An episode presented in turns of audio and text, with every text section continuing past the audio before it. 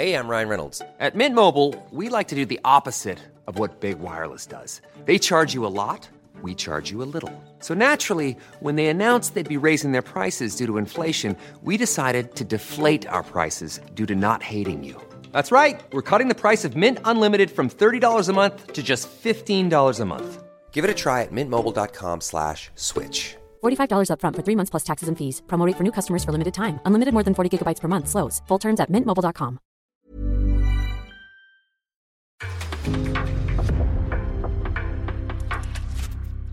En podcast från Aftonbladet. Ångest och kris blandas med toppmöten och skrällar i veckans avsnitt. Vad är det Piteå gör så bra? Hur står det egentligen till i Djurgården? Och vad har vi att vänta av veckan som kommer? Har vi en hel del att avhandla den närmaste timmen, så vad väntar vi på? Nu sparkar vi igång! Ja, ny vecka och ny inspelning med Famplys. Den här gången sitter vi inte på samma ställe. Vi är utspridda. Med mig så har jag Saga Fredriksson och Per Lagerström. Per, vad har du för bakgrund idag? Mm, jag tror att den här kommer uh, vi återkomma till under avsnittet. Den är lite speciell. Det är en tresplit. Uh, den är mitt, det vet jag inte, men annars är det två väldigt relevanta bilder. En bild är på en karta där man ser alla elitklubbar inom elitfotbollen, var de befinner sig någonstans. Eh, och då ser ni att det finns bara en klubb väldigt långt upp, både på här och damsidan. Eh, det tycker jag är spännande, vill jag återkomma om. Och eh, han till vänster kommer också återkomma om. Det är en skicklig sportchef. Mm. Vi ska diskutera det här och i mitten så har vi också Per som själv täcker bilden som är i mitten. Så att Just Saga... det, därför inte jag skulle vara det. Precis. Saga, hur är läget med dig då? Det är bra. Ehm, det blev en, en sen gårdag från Vittsjö, eh, från det derbyt, Skånederbyt. Så jag hade ändå nöjet av att ta mig hem samma dag, vilket jag tycker är underbart. Men eh, det, det, var inte många timmars sömn i natt. Så att om ni undrar energinivån idag så är den inte extrem. Men eh, det är väldigt trevligt att sitta här med er. Ha kaffet i högsta hugg. Det blev en bra kopp idag. Så jag, så långt är jag väldigt nöjd med dagen. Det är gött. Hur går det med möblerna då? ja, det, det, är fortfarande ett projekt. Eh, just nu så befinner mig, jag mig i mitt sovrum för att eh, det, det, är liksom en soffa som ska beställas här som jag, jag är lite petig av mig. Jag tar liksom inte första bästa och det har inte riktigt kommunikation med det här företaget riktigt än på det sättet jag önskar. Så därav så är det en fördröjning i det mesta i mitt hem. Men eh, rätt ska bli rätt så att jag är lite petig där. Härligt. Det brukar också vara en eh, hyfsad beställningstid på soffor och sådär. Så att ja, vi får väl hänga med dig i sängen ett tag framöver. Men du Anna, du ser ju ut som du ser ju proffsigast ut. Det ser ut som något riktigt mötesrum eller grejer. Ja, jag har ju faktiskt pallrat mig hela vägen in till redaktionen. Det var en kamp att komma upp i morse, men jag är inne på redaktionen. Jag kan säga att mina kollegor här undrade vad gör du här redan? Men ja, det är tidig morgon eftersom du ska med ett tåg sen Per. Så att eh, vi rullar väl igång så att du inte missar det där. Och vi rullar igång med Veckans svep. Den här veckan har det ju hänt en hel del som vanligt. Det har spelats cupfinaler till exempel. Vi har eh, Chelsea som vinner i England. Vi har ett Lyon som vinner i Frankrike tack vare Ada Hegerberg som gör två mål där för sitt eh, Lyon och eh, vinner den mot PSG. Där har vi faktiskt också en väldigt spännande match att se fram emot veckan som kommer nu, nämligen en eh, seriefinal i Frankrike mellan de här två lagen. PSG ligger tre poäng bakom Lyon, men det är ju faktiskt inbördes möten som gäller i den där ligan, inte målskillnad. Så eh, ja, den där blir högintressant veckan som kommer. Om vi ska tillbaka till Sverige då så går det ju att dela in den här omgången lite i tre delar. Vi har toppmöten där eh, Rosengård mötte Häcken. Ett Häcken som ju tog ledning, men sen är frågan om det var så som du var inne på Per i förra veckan att de inte riktigt orkade hela vägen. I eh, absoluta slutskedet så kvitterar Olivia Skog till 2-2 vilket också blir resultatet i den där matchen. Delad poäng alltså på Malmö IP mellan Rosengård och Häcken. Och sen ett resultat som nog får en del att höja på ögonbrynen ändå. Nämligen Piteå Hammarby Piteå upp i serieledning efter att ha vunnit med 2-1 mot Hammarby och vi kommer givetvis att komma tillbaka till Piteå för jag har ju frågat varje vecka i princip. Har vi pratat för lite om Piteå? Uppenbarligen. Det ska vi göra mer i det här avsnittet. Sen så har vi ju derbyna som har spelats. Eh, Saga var inne på det alldeles nyss. Skånederbyt som spelades igår när vi spelade in det här. 1-1 Kristianstad-Vittsjö. Och sen matchen som det har snackats om länge inför med rätta Linköping-Norrköping. Linköping vinner med eh, 1-0 mot nykomlingarna Norrköping men kampen på läktaren.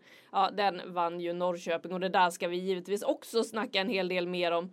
Sen så har vi ju tre matcher som vi kan kalla ångestmöten. Där har vi BP mot KIF Örebro som var det första ångestmötet. Det blev 1-1 vilket innebär att eh, de här lagen i allra högsta grad är indragna i bottenstriden.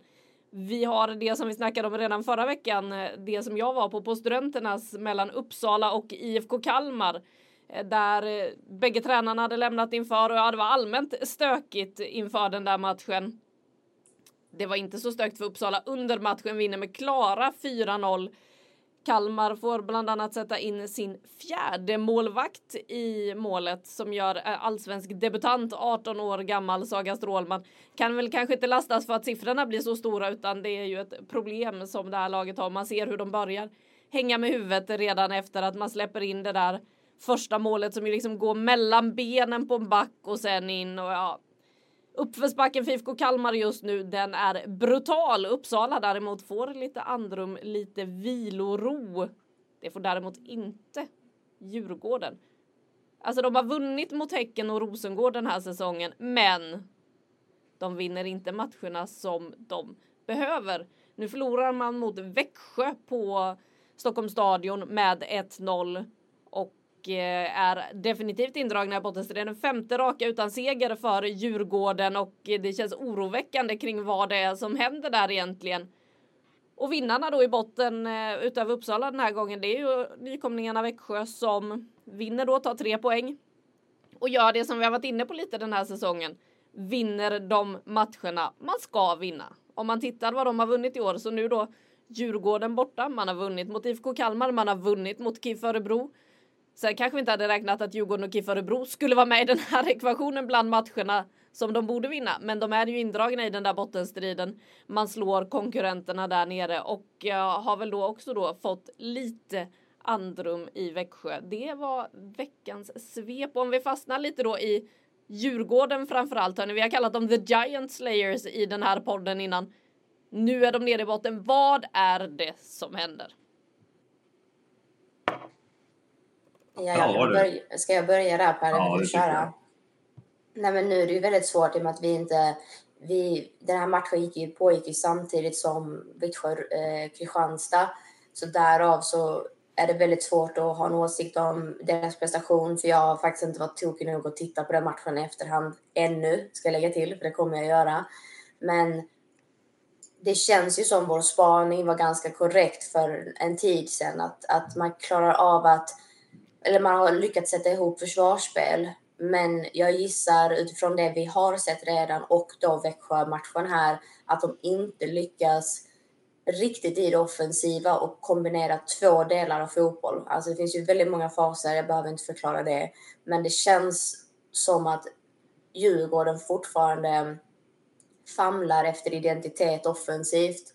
Um, för mig är det en gåta. När det här resultatet poppade upp på skärmen under sändningen igår så var jag, jag var rätt eh, chockad och jag visste faktiskt inte vad jag skulle säga riktigt. För att, um, även om jag har stor respekt för Växjö och, och alltså hur skickliga de är med bollen um, så tycker jag man skulle kunna vinna den med kamp. Alltså det, det där kan vara en, en icke jämn match för Djurgårdens synsätt. Så att, nej, jag jag, jag blir chockad och jag tycker samtidigt att de har så pass bra spelare i laget att jag förstår inte riktigt vad det är som inte lirar. Spelar man för komplicerat eller försöker man göra det? Ehm, för att förankra lite med Örebro då. De har ju varit väldigt tålmodiga över tid att spela ett spel som är ehm, vad ska man säga, väldigt organiserat. De är skickliga på att behålla bollen. Det är possession-orienterat det är ju möjligt, även om man har unga spelare, även om man har spelare som fortfarande utbildas. Så att Djurgården ska kunna spela det spelet, det är inget, det är inget snack om saken. Men något där som inte stämmer. Som sagt, jag, jag är verkligen nyfiken på den matchen. Ja, Och, ja. eh, mm, Det är intressant. Du, du skulle åka hem ju. Jag kan ju lägga mig på ett hotell. De har ju svårt att lägga sig. Du kunde lite snabbspolare där faktiskt. En hel del. Åh, och så jag dem på plats. Och jag tycker faktiskt det det är väl ingen snack om det, men en ganska rättvis seger till Växjö. Ganska svag match från Djurgården. tror även Paulsson bekräftade det efteråt, tyckte jag. Eh, läste att han inte är nöjd. Och problemet är ju kanske inte försvarsspelet. Man släpper in ett mål. Det är inte hela världen. Det har inte varit någon gång. Men det är ju att man skapar, tycker jag, så otroligt lite målchanser. Såg även matchen mot Piteå. Och jag tittade också då, eh, börja började med det här, tittade om lite grann på, mot um, Häcken och Rosengård. Liksom, hur bra var de då? Första matchen mot, mot Häcken, där är ju Alice Bergssons individuella prestation som gör att de gör det där målet. Försvarsspelet är bra igen, men de skapar ju inte jättemycket. Rosengård kanske var, tycker jag, deras bästa match, men det är så svårt att analysera sådär. Det var ju Rosengård som var på något sätt, liksom, ingenting började funka där helt plötsligt. Så att jag tycker att man ser en röd tråd egentligen i anfallsspelet som jag är väldigt, däremot väldigt förvånad över att de skapar så otroligt lite. Och några gånger tycker jag att det handlar om faktiskt om en ganska enkel sak, att springa när man inte har bollen. Att, att jobba otroligt mycket med maxlöpningar och löpningar. Det, jag tycker det blir lite statiskt i deras anfallsspel. Och det har jag lite svårt att förstå. Det, det är väl någon form av timing där man jobbar med att kontrollera matchbilder liksom hela vägen nerifrån, från trebackslinjen. Bollen är ofta där till att man letar vinklar. Och det är, liksom, det är inget fel med det. Vi såg matchen i, igår till exempel när Kristianstad kan trycka ner Vittsjö genom att kontrollera sitt spel. Men från det till att ta det till att skapa målchanser. Från bollinnehavet, från att spela förbi motståndarnas press och sen skapa någonting. Där tycker jag är ett av de största problemen är för Djurgården. Och jag är förvånad. Man tar Tilde Lindvall, Stine-Lisa Johansson, Heidi Daud. Liksom, det är fartspelare, det är skickliga offensiva spelare. Så att eh, de, de måste få igång ett anfallsspel och skapa målchanser, tycker jag. Sen har de också såna här perioder, vi kommer ihåg från förra året, där de går upp och ner i säsongerna. Det kan man också fundera på vad det beror på. Att man har tunga, tunga perioder, som vänder man. Och det är väl det som talar för Djurgården, att jag tycker att det finns material ändå. Att får man ordning på allting, ja då kan man slå någon av jättarna fortsatt. Men det är väl där också som blir lite... Jag tänker på det här med att de har perioder och jag vill minnas, så det får jättegärna rätta mig om jag har fel. Men förra året när det var mycket matcher på kort tid så hade de en extremt jobbig period. Jag tror de, de spelade typ mot Kalmar på hemmaplan och det var inte så... Jag kommer inte ihåg resultatet, jag spekulerar alldeles för mycket just nu. Det är för att det är tidig morgon och skyller på det. Men de, de hade en period i alla fall där det liksom... Det är som att de blir så fotbollströtta. Att de blir trötta i hjärnan. För det du pratar om Per med att, att springa innan bollen landar på mina fötter handlar ju om att tänka tre steg framåt. Och är man, är man lite trött på det, inte trött att jag tror inte att spelarna har problem med motivation, men det tar ju väldigt mycket mentalt också att spela de här matcherna för att man måste vara så påkopplad hela tiden. Och är man då i en utvecklingsfas så att säga och man försöker ehm, hitta liksom sitt sätt att spela offensivt så behöver man hela tiden vara på alerten och jag tror tyvärr att de, de lider av att de inte faktiskt är det. Ehm, och sen känslan är utifrån och det är verkligen bara en känsla för att det kan ju bara de svara på. Men tilliten, hur är den egentligen till varandra? Um, överarbetar man situationer för att man tycker att man klarar det bäst själv eller att det finns någon som är lite bättre på just den positionen? Eller är det att man har blind tillit till varenda spelare att de kunde, kommer kunna utföra eh, aktionen på ett bra sätt? Jag tror inte det med tanke på hur mycket felpassningar som ofta har varit i Djurgården. Eh, eller så hade jag, bara, jag kan verkligen bara säga så här, så hade jag själv känt att om man gör så mycket felpass hela tiden, det är klart att man då till slut blir så här, mm, tittar en extra gång, vem ska jag spela, vad är säkrast? För det handlar inte om att de kanske inte har extrem tillit till varandra individuellt, men som lag. Att oh, vi kanske inte ska spela in i den här centrala ytan för att om vi tappar den, då blir det jobbigt. Då är det mycket lättare att slå en långboll på kanten och hoppas att, att Bergström eller Daud springer ner den. Um, Nej, ja, jag pratar lite för mycket kanske för att inte har sett senaste matchen, men oavsett det så har du ju sett en trend. Eh, och jag är helt med dig Per, man måste springa i fotboll och det gör de inte alltid. jag tänker Anna, du som är lite experttipparen, du måste ju tippa en serie innan så noga där. Jag vet ni har ju era, liksom, när du tittade på Djurgården innan, liksom, vad hade, liksom, så man målar lite större, vad hade man för förväntningar på Djurgården inför den här säsongen? Ja, men eh, då pratade man ju om att dela in den här serien i tre delar ungefär. Vi skulle ha toppengänget, där det ju var fler involverade än vanligt.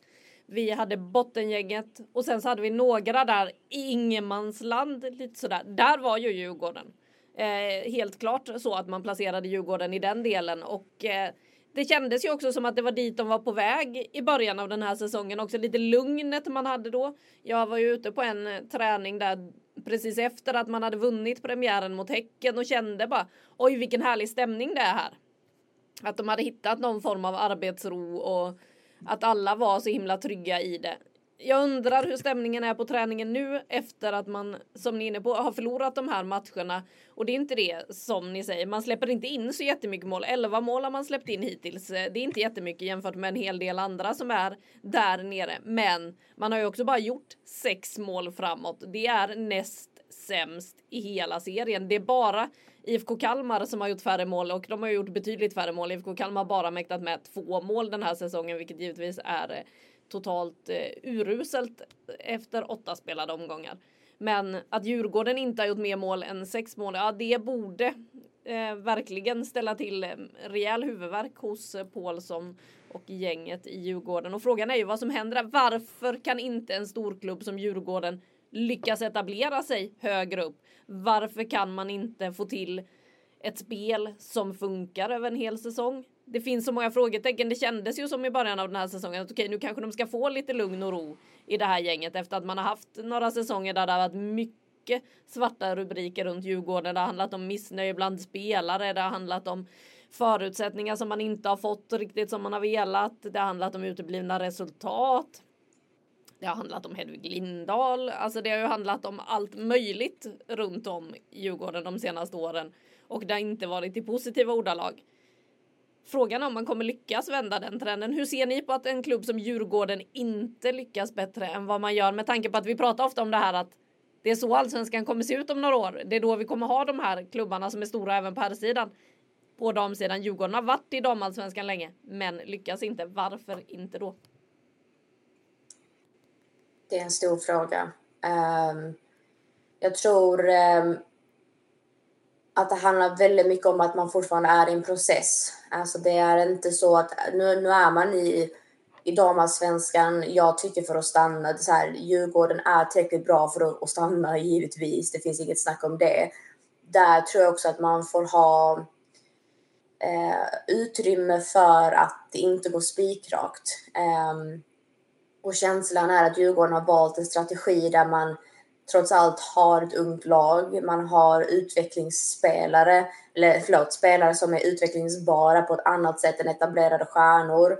Ehm, jag tror absolut att, låt säga när Malmö FF kommer upp eller eh, IFK Göteborg och så vidare, att det kanske då är mer relevant att börja möta samma typ av satsning men just nu så behöver de inte göra det för nu kan de fortfarande vara ett, ett mittenlag som du beskrev Anna. Att de kan vara där lite och, och bubbla. Ibland har de avstickare, ibland har de inte det. Um, så att, nej, jag, jag, tror att det är strategi att man inte behöver slå på den stora trumman just nu. Ehm, uh, och vilket betoningsfel det här var, men ni slå på den stora trumman. Um, uh, och vill jag också bara rätta mig själv att jag, jag snurrade till det rejält angående förra årets period. För det var faktiskt Kalmar som var riktigt trötta när de mötte Djurgården och förlorade 4-0 mot just Djurgården. Så vi behöver inte trampa på dem för mycket här nu. Men eh, så här, jag tror att vi kommer se ett Djurgården som kommer göra fler sådana här matcher. Där de bommar mot ett Växjö eller liknande motstånd. Och kommer fortsätta briljera mot bättre motstånd. Där vi alla kommer säga, vad är det för lag vi har att göra med? Och det är ju så, jag måste säga det, unga spelare tenderar att vara mycket mer hormonella i sitt sätt att eh, prestera. Och då menar jag alltså lite, eh, man inte riktigt kan sätta finger på vad får vi från dem idag. Man brukar prata om rutin, spelare som eh, har varit med länge, man vet alltid vad man får. Det behöver inte alltid vara bästa spelaren på planen, men bara av att man, de är predictable, förutsägbara, så är de en av de bästa spelarna. Och det, det ska man inte eh, förminska. Och därav unga spelare tenderar att vara lite spretigare. För det är dagsform det handlar om. Mm, och apropå unga spelare kan vi bara slänga in där lite från eh, Uppsala IFK Kalmar matchen igen där ju bland annat då Eh, Angelina Klingberg byttes in i den 90 minuten. 14 år gammal eh, gjorde allsvensk debut i den här matchen. Vi har 15-åringen Tindra Mattsson som eh, man bad stanna hemma från landslagslägret som ju pågår just nu. Eh, och hon fick spela hela matchen, fick ju hoppa in mot Vittsjö redan. Eh, fick spela hela matchen nu senast, gjorde det med en otrolig pondus måste jag säga. 15-åring mittback där. När hon själv efterstår. Jag är ju inte ens van vid den positionen. Ja, Eh, en bra startdebut för Mattsson där. Så att vi får ju se en hel del unga talanger komma upp och då ett Uppsala som gör det. Djurgården och IFK Kalmar var bra på förra året. Vann rätt matcher. Det är Uppsala och Växjö som gör det så här långt. Med det så avslutar vi väl svepet för vi har väldigt mycket mer att prata om. Veckans lag. Ja, men det var ju därför jag satt den här eh, bakgrunden för er och vi har pratat lite för lite om. Då sätter jag dem på en bakgrund. Det här är alltså Leif Strand, eh, om ni inte känner igen det är Piteå sportchef som jag skulle också vilja hylla. Vi pratar mycket om Stellan Karlsson också, men vad han hittar på med det här laget så vill jag också visa kartan på något sätt. Det är därför jag eh, tycker, jag vet inte, när jag är i Stockholm så säger folk att jag är norrlänning för jag kommer från Gävle, men det är faktiskt mitt i Sverige som ni ser här. Men där uppe i norr, liksom, här kommer ju väldigt många spännande spelare. Hanna Ljungberg, vi har ju liksom, Umeå-tiden, men de är i elitettan. Men att i damallsvenskan, i Sveriges högsta liga, både på herr och damsidan, finns det väldigt litet lag. Och det är ju, ni kan ju titta själv vilka resor de behöver göra eh, på det här stället. Och att Piteå leder damallsvenskan efter åtta omgångar. Eh, de har ju faktiskt vunnit SM-guld för fem år sedan, så man ska inte, man ska inte säga att det ska vara för liksom, överraskad. Men vi tittar på, jag tror ingen har tippat dem där, ingen så kallad expert som jag eller någon annan inför säsongen. Men varför är de där? Och jag liksom satt och tänkte på det. Jo, förutom att det är samma identitet som när de vann SM-guld eller egentligen som alla år. Att man, de jobbar ju otroligt hårt i fotbollsmatcher. Det är så, från när jag åkte upp till den där arenan och mött dem. Det, det, har de alltid gjort. Och springer väldigt mycket för varandra och det är någon form av fantastisk identitet. Men jag vill också titta på Leif Strands och hur han plockar spelare, hur man värvar.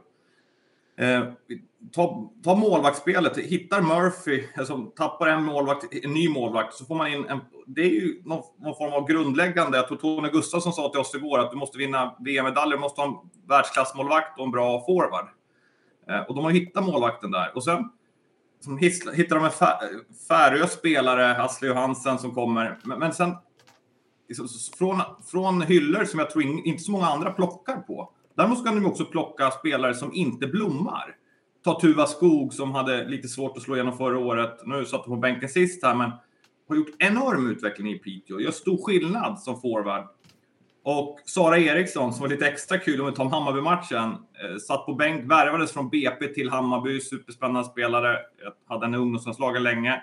Men, men Hammarby har så pass många spelare som fick inte spela trots att de trodde på henne. Värvas till Piteå, startar matchen som wingback, egentligen central mittfältare. Lyckas också spela på en helt ny roll, drar en stenhård volley. Va? Som, jag vet inte om den är inne, men i alla fall där är assist på 1-0 målet.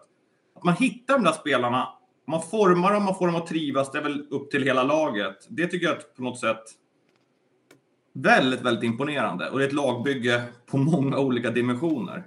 Och sen i spelet måste jag säga, ni får följa in här om man tar liksom veckans lag. Det går inte att bara prata om liksom, försvarsspelare och hårt jobbande, utan det finns en tax, taktisk, tycker jag, enorm skicklighet i försvarsspel. Liksom, varenda duell, från en fast situation till hur du slänger ett, hur du kastar ett inkast. Det såg till exempel att Vittsjö tappar, släppte in ett mål på ett inkast. De, de släpper kanske någonting, någon detalj i någon del av försvarsspelet och får motståndarna ofta att se ganska passiva ut, men också att de får bollvinster. Det är det, de vinner bollen. Det gör att de får äga mycket mer boll kanske än tidigare när Piteå var mer kanske, om man sa, jobba mer på positionsförsvar, spela lite lägre, vann bollen lägre. Nu vinner de bollen mycket högre upp. Det är bara att titta vilka spelare de bytte in och satt in som spelare som Hanna Andersson, som liksom offensiv mittfältare, som bara pressar, pressar, pressar. Så att försvarsspelare har ju utvecklats, tycker jag, många steg och gör att de vinner bollen på flera olika ställen. Och sen har de ett anfallsspel som visst, det börjar också bakifrån att Sveite Kidi kan ha bollen med fötterna och bara hallå kom och ta den av mig. Eh, och så springer folk dit och så flyttar de den. Till att ha, tycker jag, geniala Fanny Andersson på innermittfältet som nu kompletteras av Olivia Holm som är så spelbar och en sån typisk matchspelare som jag såg henne på landslagsträningen, bollen studsar ibland, men när det är match tycker hon dominerar halvleken. Och så har de bara fått igång då längst fram som vindsnabba Gio, en tagespelare Imo, unga Tuva Skog. Ja, men leder man då får man ha lite superlativ. Så att jag tycker bara att det här laget behövde snackas lite om. Eh, därav bilden, därav veckans lag. Det gör du helt rätt i Per. Eh, Saga, du ska snart få sticka in här, men jag slängde ut efter förra avsnittet lite omröstningar på min egen Instagram här kring saker vi hade diskuterat och lite sådär. Bland annat så var ju en av frågorna vilka vinner SM-guld? Låt oss säga det var ingen som tyckte Piteå där. Eh, utan eh, liten, liten, liten, liten övervikt till Hammarby före Häcken. Men de två var ju verkligen outstanding i den omröstningen. Det var också ganska många som röstade skulle jag vilja säga. Och eh, så hade jag en fråga om Piteå då. Är de topp tre för att stanna? Över eh, 76 procent säger nej på den frågan. Vad tror ni, kommer det här hålla för Piteå hela säsongen eller kommer de att dala allt efter vad det går? Ja, det här med att säga. Um, nej men jag tror um, det som var, var påtagligt för dem tidigare, framförallt några, förra året, att året därpå var ju skador som sker som gör att de blir sköra. För Per pratar om hur man har värvat de har värvat bra. De har värvat identiteter som passar väldigt bra inför hur de vill bedriva sitt spel och, och vem de är som lag. Alltså Stellan Karlsson är extremt noga med detaljer. Han är, han är benhård i att det här kan vi förvänta oss av varandra. Det skapar liksom ett, ett lag som har en hjärna kan man säga.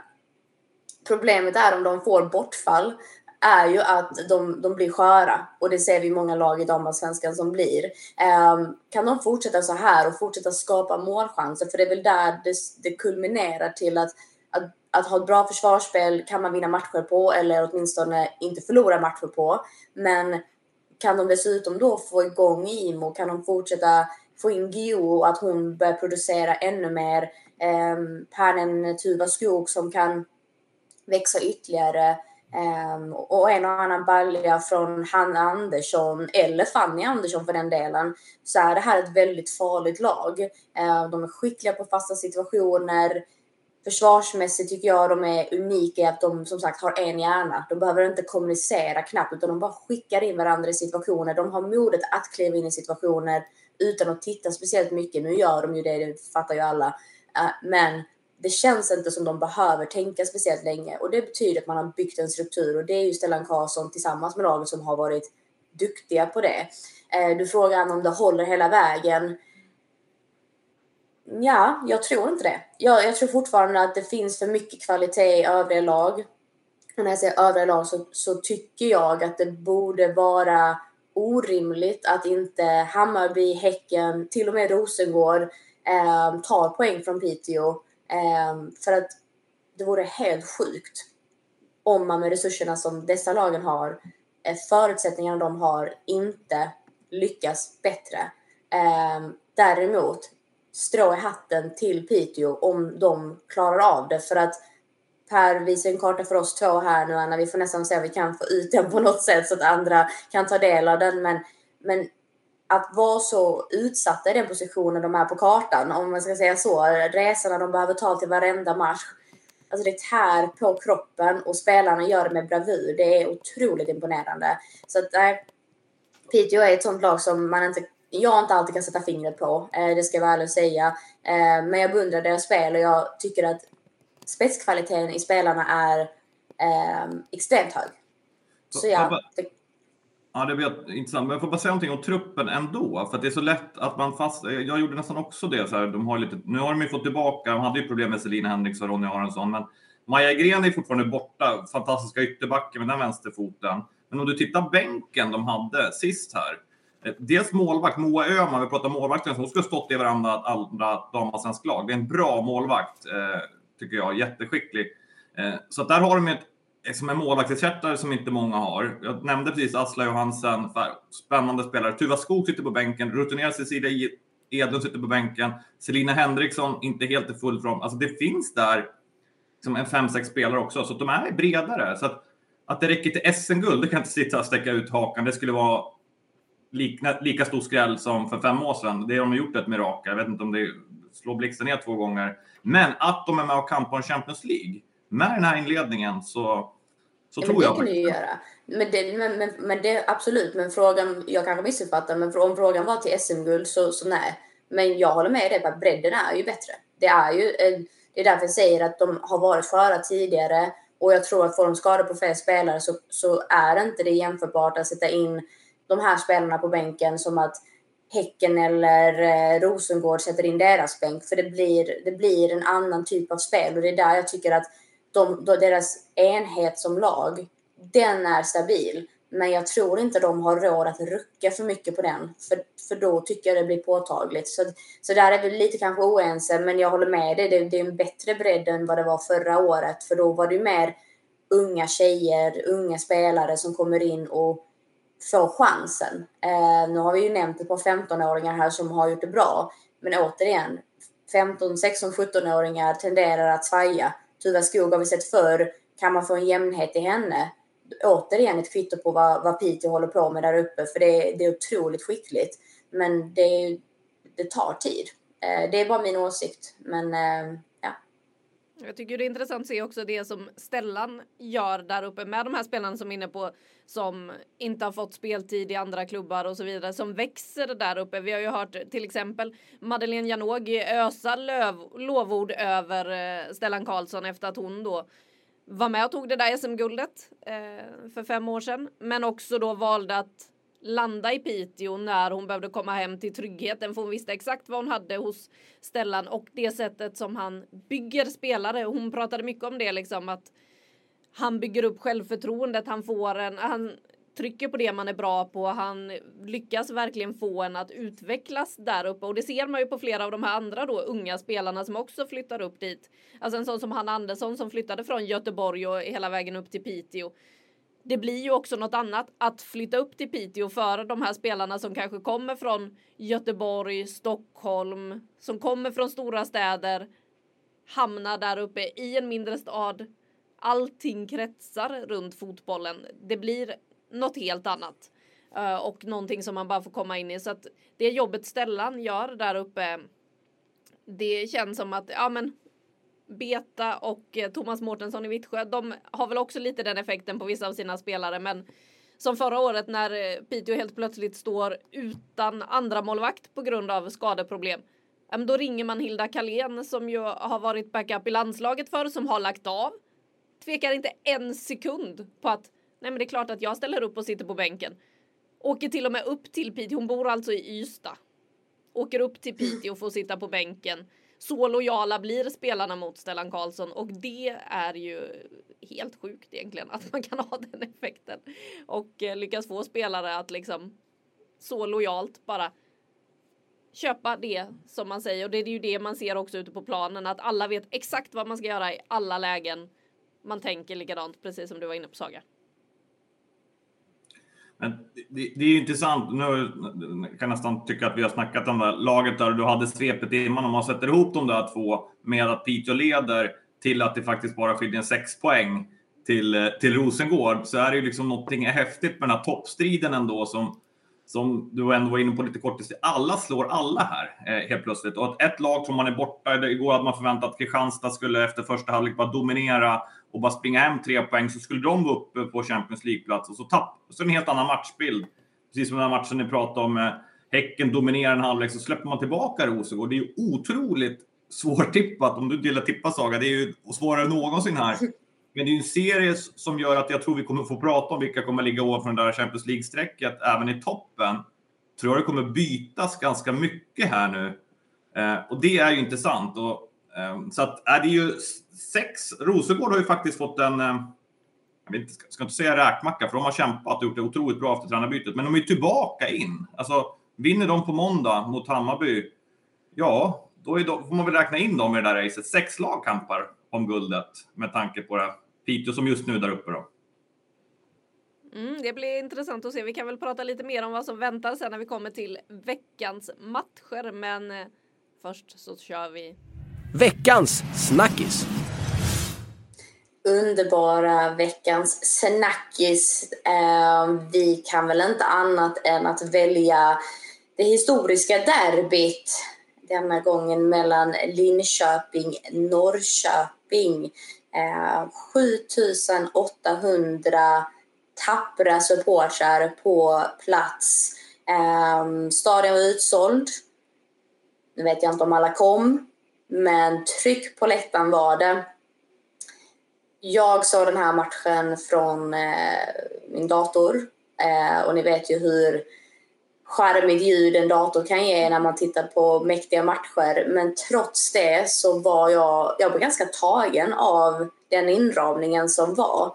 Ehm, um, vi stod i sändningen igår Per och du beskrev att man flera timmar innan såg bilder av människor på torget som eh, skriker, ropar, hejar på sitt lag. Det är en match till matchen med stora, eh, vad säger man, eh, tifon för att heja fram sitt lag. Vi har en spelare i Norrköping som säger Nej men vi är vana vid det här, det här är inte jobbigt för oss. Alltså jag älskar att en nykomling står och säger vi är vana vid det här stödet. Det här är inte jobbigt, det är inte en extra press för oss. Det kommer vara värre för Linköping som ska spela Champions League. Alltså fattar ni kontrasterna? Eh, det är för mig att se matchen, jag, jag sa det inför, det här är inte den vanliga matchen som vi kan förvänta oss mellan en, en toppkonkurrent och en nykomling. Det här är en mycket jämnare tillställning eh, och det blev det ju. Eh, jag vet inte om ni båda har, har hunnit se matchen, jag antar det. Vad, vad är era intryck? Ja, men jag måste bara säga, det här med vanan så är det ute, för det, det, jag tycker det är underbart. För det är för mig nästan mer en attityd. Det vill säga, de, var, de, var, de var inte dugg förvånade att det skulle vara fullsatt. De var inte förvånade att det skulle vara ett extremt tryck. De har haft okej okay tryck i Elitettan, men de har inte varit i närheten ändå. Men attityden i föreningen och liksom backningen på sociala medier gör ju att de är vana, vilket är ganska coolt. Men att det var 7800 på någon Norrköping-match någonsin, det har det aldrig varit. Så det var en unik tillställning som smittar ner hela vägen på plan. För även om Norrköping är en riktigt bra nykomling, det har vi sett med spelare som Kato och Koivisto, smart värvning, så klart att det ska vara klasskillnad, speciellt på Linköpings hemmaplan. Vi vet ju förra året Linköping, det de hade, förutom att de tappade match, men mot lag lägre ner så gjorde de ju 4-5 mål nästan varenda match. För de hade sånt anfallsspel. Det var ju kamp, det var ju otroligt jämnt och det var ju bara det här självmålet som det faktiskt var i början som var det som skilde lagen åt till slut. Jag tycker att det man tar med sig från den här matchen också är lite det som du var inne på i början, Saga som Per lyfte i, eh, i studion. Att alltså bilderna som kablas ut på allting som var runt omkring.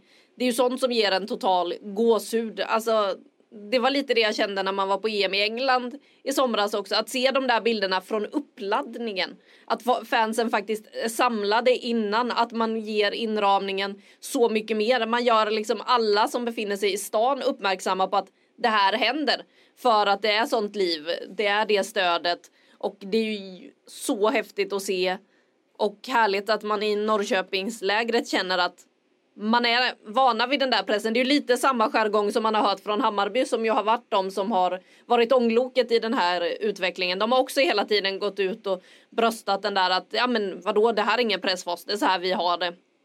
Eh, jag tycker också det var kul att det pratades om att eh, Linköping inför hade tränat med publikljud för att man skulle känna på den här pressen innan för att liksom känna av hur det påverkade nere på plan hur annorlunda det blir när man helt plötsligt inte kan prata med varandra. För jag menar som eh, när jag var på studenternas i helgen, då hör man ju när liksom, spelare skriker instruktioner till varandra. Det är ju helt omöjligt i den här eh, miljön med den här inramningen som var på eh, arenan i Linköping och man bara hoppas ju att vi får se fler publikfester. Jag tycker faktiskt att man kan lyfta lite också att vi faktiskt hade två matcher till som hade över 1800 på läktaren i den här omgången eh, med både då Rosengård, Häcken och Piteå Hammarby, de två toppmötena som faktiskt också ändå drar lite publik. Vi har ju pratat mycket om att eh, serien har svårt att få folk till läktarna så att det är klart att vi måste uppmärksamma när det faktiskt börjar trilla in också. Och det är ju en positiv tendens att de där toppmatcherna faktiskt drar. Sen så kan ju lagen nere i botten kanske också behöva stödet. Men en positiv utveckling och eh, att se bilderna som var från Linköping och som då Norrköpingsfansen i allra högsta grad var bidragande till. Det är ju någonting som värmer. Sen tror jag också att det är en nödvändighet, eh, jag hoppar tillbaka till det här med attityden, att, att utgå från att det här ska vara normalt. Eh, jag tror inte man gör damidrott generellt en tjänst när man inte antar att det här ska vara det normala. Eh, så här, man kan inte forcera någon att tycka fotboll, damfotboll är kul. Men det är fotboll vi pratar om och jag lägger damfotboll innan bara för att poängtera att det är där många ofta säger Åh, men jag tycker herrfotboll är kul men inte damfotboll. Lägg ner den diskussionen för att det är fotboll, basta. Och de har, det är en bra produkt och matcherna är intressanta. Det räcker så. Och där är jag, jag är ju alltid den här när vi pratar publik, jag, jag kommer alltid tycka det är gåshud när jag ser att det är 80 000 på en läktare eller att det är i det här läget 7 800 på ett Östgötaderby. Ehm, men det ska vara så. Jag är inte förvånad, för det ska vara så. Och jag tror att det finns en, en väldigt fin nyans i det där som, man, som vi som arbetar med också måste ha med oss. Att, att inte heller bara prata som att eh, oh wow, kolla, folk tittar. Utan verkligen noga med hur vi pratar om det för att vi är inte förvånade. Eh, för det ska vara så. Eh, så jag vill bara lägga in det, för det är en sån hjärtefråga för mig hur man pratar om damidrott generellt. Att det inte är en, en händelse att folk tycker att det är intressant. Det finns jättemånga som tycker det är intressant. Det är bara att man ska hitta rätt publik och rätt personer som hur man lockar dem. Vi pratade för några avsnitt sedan just om hur Arsenal hade varit duktiga på att analysera vem är vår publik och gjort anpassningar därefter det är ju det det handlar om, så är all marknadsföring. Så det är ju det, återigen, det är ju ingenting nytt som, som skapas utan det är bara att damfotbollen har fortfarande en väg kvar att hitta den publiken och hur man anpassar produkten i sin helhet.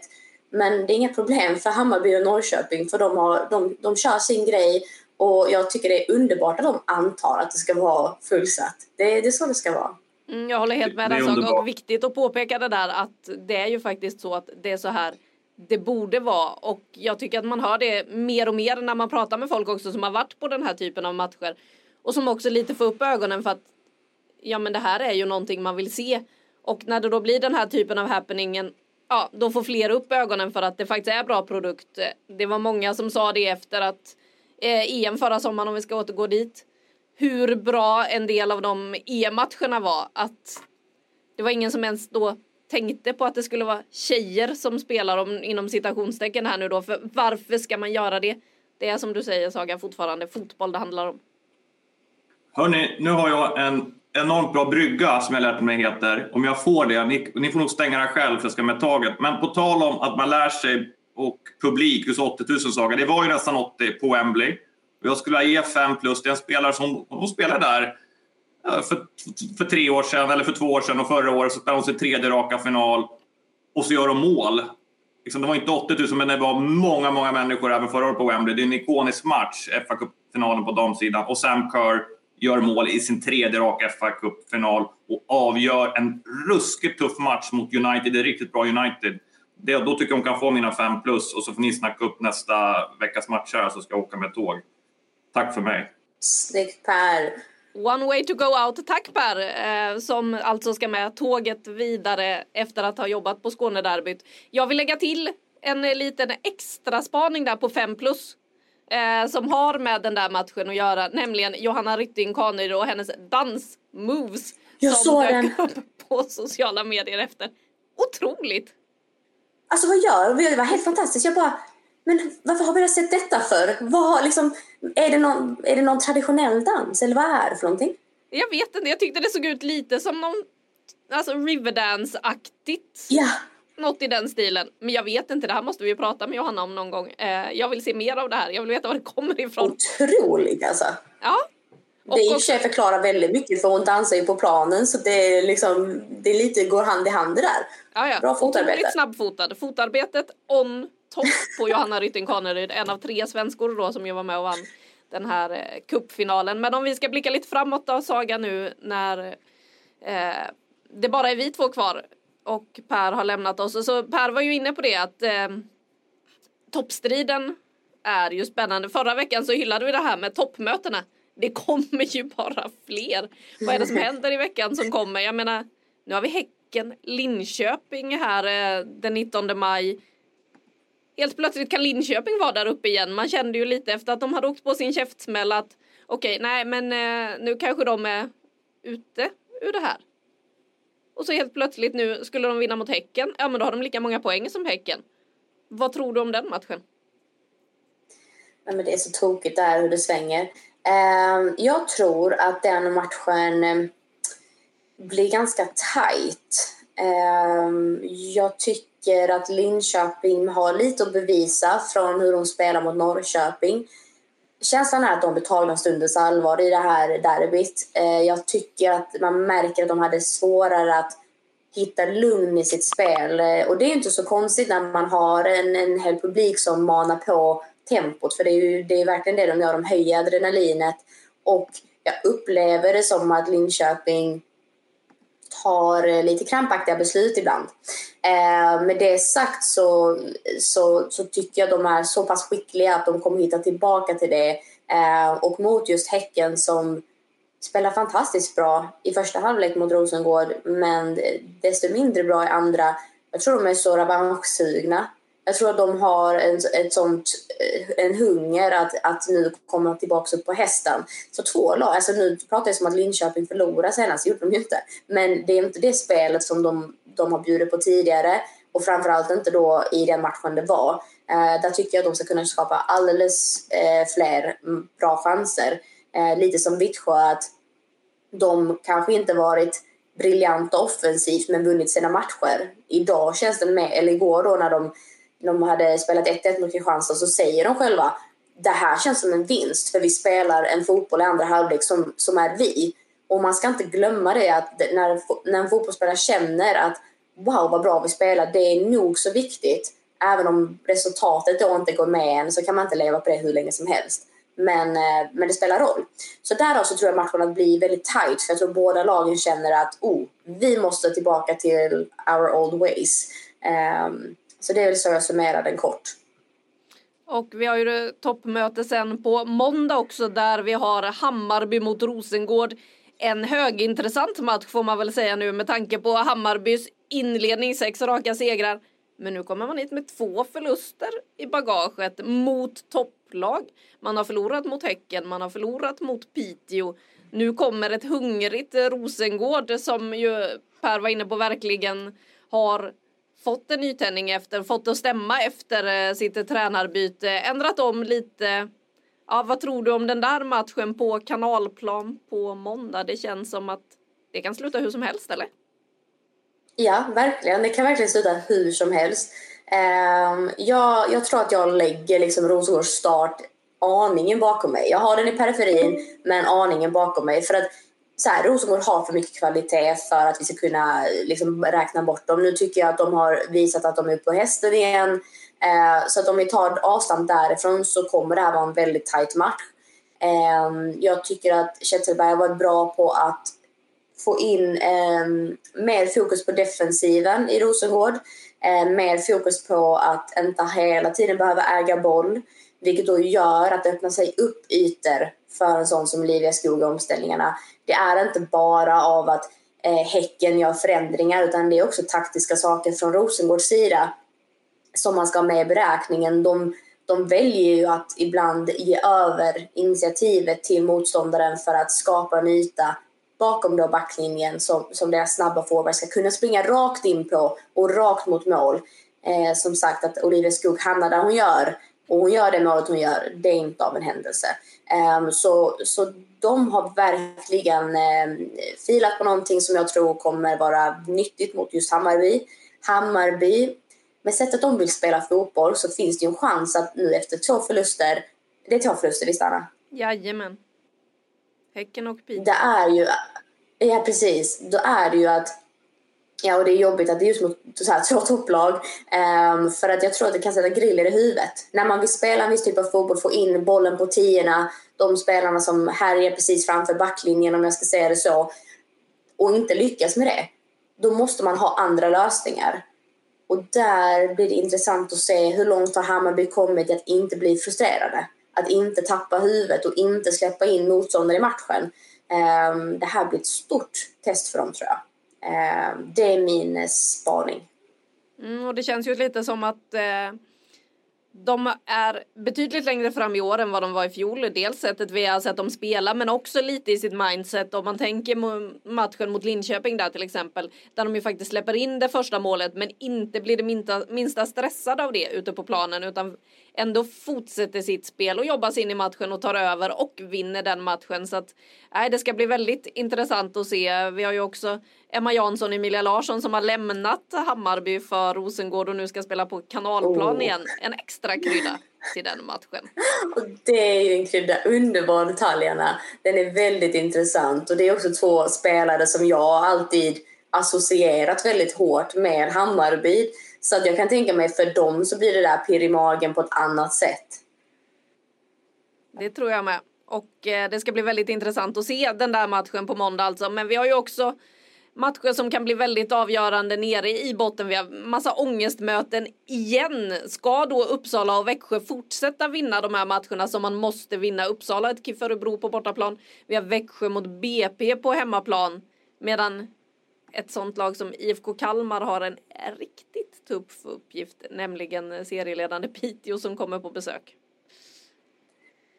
Ja, nej, där, där tror jag Piteå och Dansarhem, det faktiskt. Eh, har svårt att se annat. Eh, Växjö tror jag har goda chanser mot, mot eh, BP. Eh, från det jag har sett dem spela, jag tycker att de har eh, all kapacitet att, att spela sin typ av fotboll. Eh, så att det den blir väldigt rolig. Jag ser också fram emot Norrköping-Vittsjö. Jag tror att de två lagen kommer eh, lite bjuda på två olika saker. Jag tycker någonstans att Norrköping kommer få möjlighet att spela det raka spelet de vill mot Vittsjö. Ehm, för att lägga an en liten grej på matchen igår, i Skånederbyt, så det Kristianstad gjorde smart, det fanns en taktisk detalj att de ville locka Vittsjö. De låg lite lägre i uppspelsfasen med sin backlinje i Kristianstad och till och med använde målvakter att bolla. Det är någonting som jag tror Norrköping hade mått bra av att använda och givetvis har ju Vittsjö, det är inte så att de inte tittar på matchen i efterhand och lär sig någonting utan de behöver välja bara var de vill sätta sin presslinje för att de vill ju aldrig blotta sig bakåt och där vill ju Norrköping verkligen in. Så jag tror det kommer bli en kamp det där, vem som vågar kliva på, vem som sätter pressen tidigt, var sätter de sin första linje? Det kommer jag sitta och nörda med för det där, det är sånt som jag tycker är superintressant när två tränare eh, försöker hitta svagheter hos motståndaren och sen så kan man se det så tydligt på planen. Eh, så att jag, Eh, jag tror faktiskt att matchen blir mycket, mycket roligare än vad man kanske inledningsvis eh, tänker sig. Mm, och det som är härligt med den här serien i år är ju att eh, alla matcher har sin egen lilla ingrediens i det hela. Vi har nämnt i princip alla nu så då kan vi ju också nämna att eh, Djurgården står för den tuffa uppgiften med Kristianstad borta. Ska man då återigen kliva in mot ett topplag och ställa, in, ställa till det för dem? Eller kommer det att bli en rejäl krisstämpel på Djurgården efter nästa omgång? Det återstår att se. Men det är ju härligt för den här serien att det blir de här ingredienserna i alla matcher. Det finns alltid någonting att haka upp varje match på. Så har det ju inte alltid varit tyvärr. Eh, historiskt sett. Så att det gillar man ju. Och sen så uppskattar jag att eh, vi slipper de här förbannade matchkrockarna den här eh, omgången. Jag menar i söndag så hade vi tre matcher i damallsvenskan som alla var superintressanta. Som hade sina egna då ingredienser och eh, anledningar till att de borde uppmärksammas. Bland annat då ett toppmöte mellan Piteå och Hammarby. Det är 1800 på plats i Piteå, men exakt samtidigt spelar alltså herrarna ett derby i Stockholm. Sånt ska inte får hända och jag blir lika provocerad varje gång. Så att, eh, jag är glad att vi slipper det den här omgången med eh, lag där deras matcher i dam respektive herrallsvenskan eh, krockar. Inget sånt den här helgen så att eh, ja, det är bara att sätta sig, bänka sig och så ser vi också fram emot den match jag nämnde i början, den i Frankrike som ju faktiskt kan avgöra hela den franska ligan där vi också kan nämna det glädjande beskedet att Amanda Ilestedt ju faktiskt är tillbaka i truppen igen. Ett eh, besked som eh, Peter Gerhardsson och Magnus Wikman säkerligen tar emot med glädje. Förhoppningsvis får vi se henne spela snart också. Blev inte inbytt i cupfinalen senast. Den enda spelaren då på bänken i PSG som inte blev inbytt. Men eh, förhoppningsvis får vi se henne i spel snart igen. Och hon lär ju vara given i en VM-trupp. Jag tänker det måste vi göra snart. Vi måste snart ta ut våra VM-trupper i den här podden och hjälpa Peter mm. på vägen. Hur mår du Saga över det? Uh, nej, men du gör ju alltid så här mot oss och det är ju helt rätt. Men det är ju en huvudvärk utan dess like och jag fattar. Tänk att vara förbundskapten. Alltså, tänk att behöva ta de här besluten. Nej, det, oh, ja, jag, jag, jag, säga, jag lider med dem men jag tror att de älskar det så det är ju fantastiskt bra. Jag däremot tycker det är, det är extremt jobbigt att både lämna, Precis som att inte Peter tycker det är jobbigt att lämna någon utanför. Men jag tycker bara i och med att man sitter utanför så är det, det är en huvudvärk. Men det ska göras och det blir ju alltid intressanta diskussioner. Så att det, på en, en del av mig ser ändå fram emot det.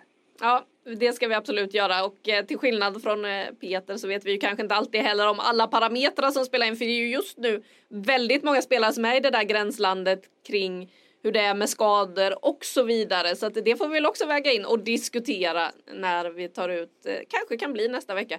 Vi får se lite hur det blir med allt som händer och sker.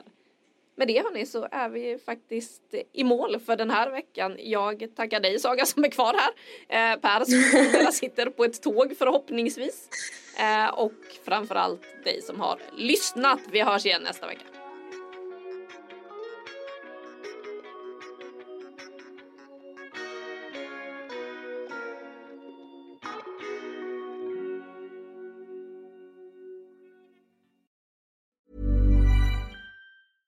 Finding your perfect home was hard, but thanks to Burrow, furnishing it has never been easier. Burrow's easy to assemble modular sofas and sectionals are made from premium, durable materials, including stain and scratch resistant fabrics. So they're not just comfortable and stylish, they're built to last. Plus, every single Burrow order ships free right to your door. Right now, get 15% off your first order at burrow.com slash ACAST. That's 15% off at burrow.com slash ACAST.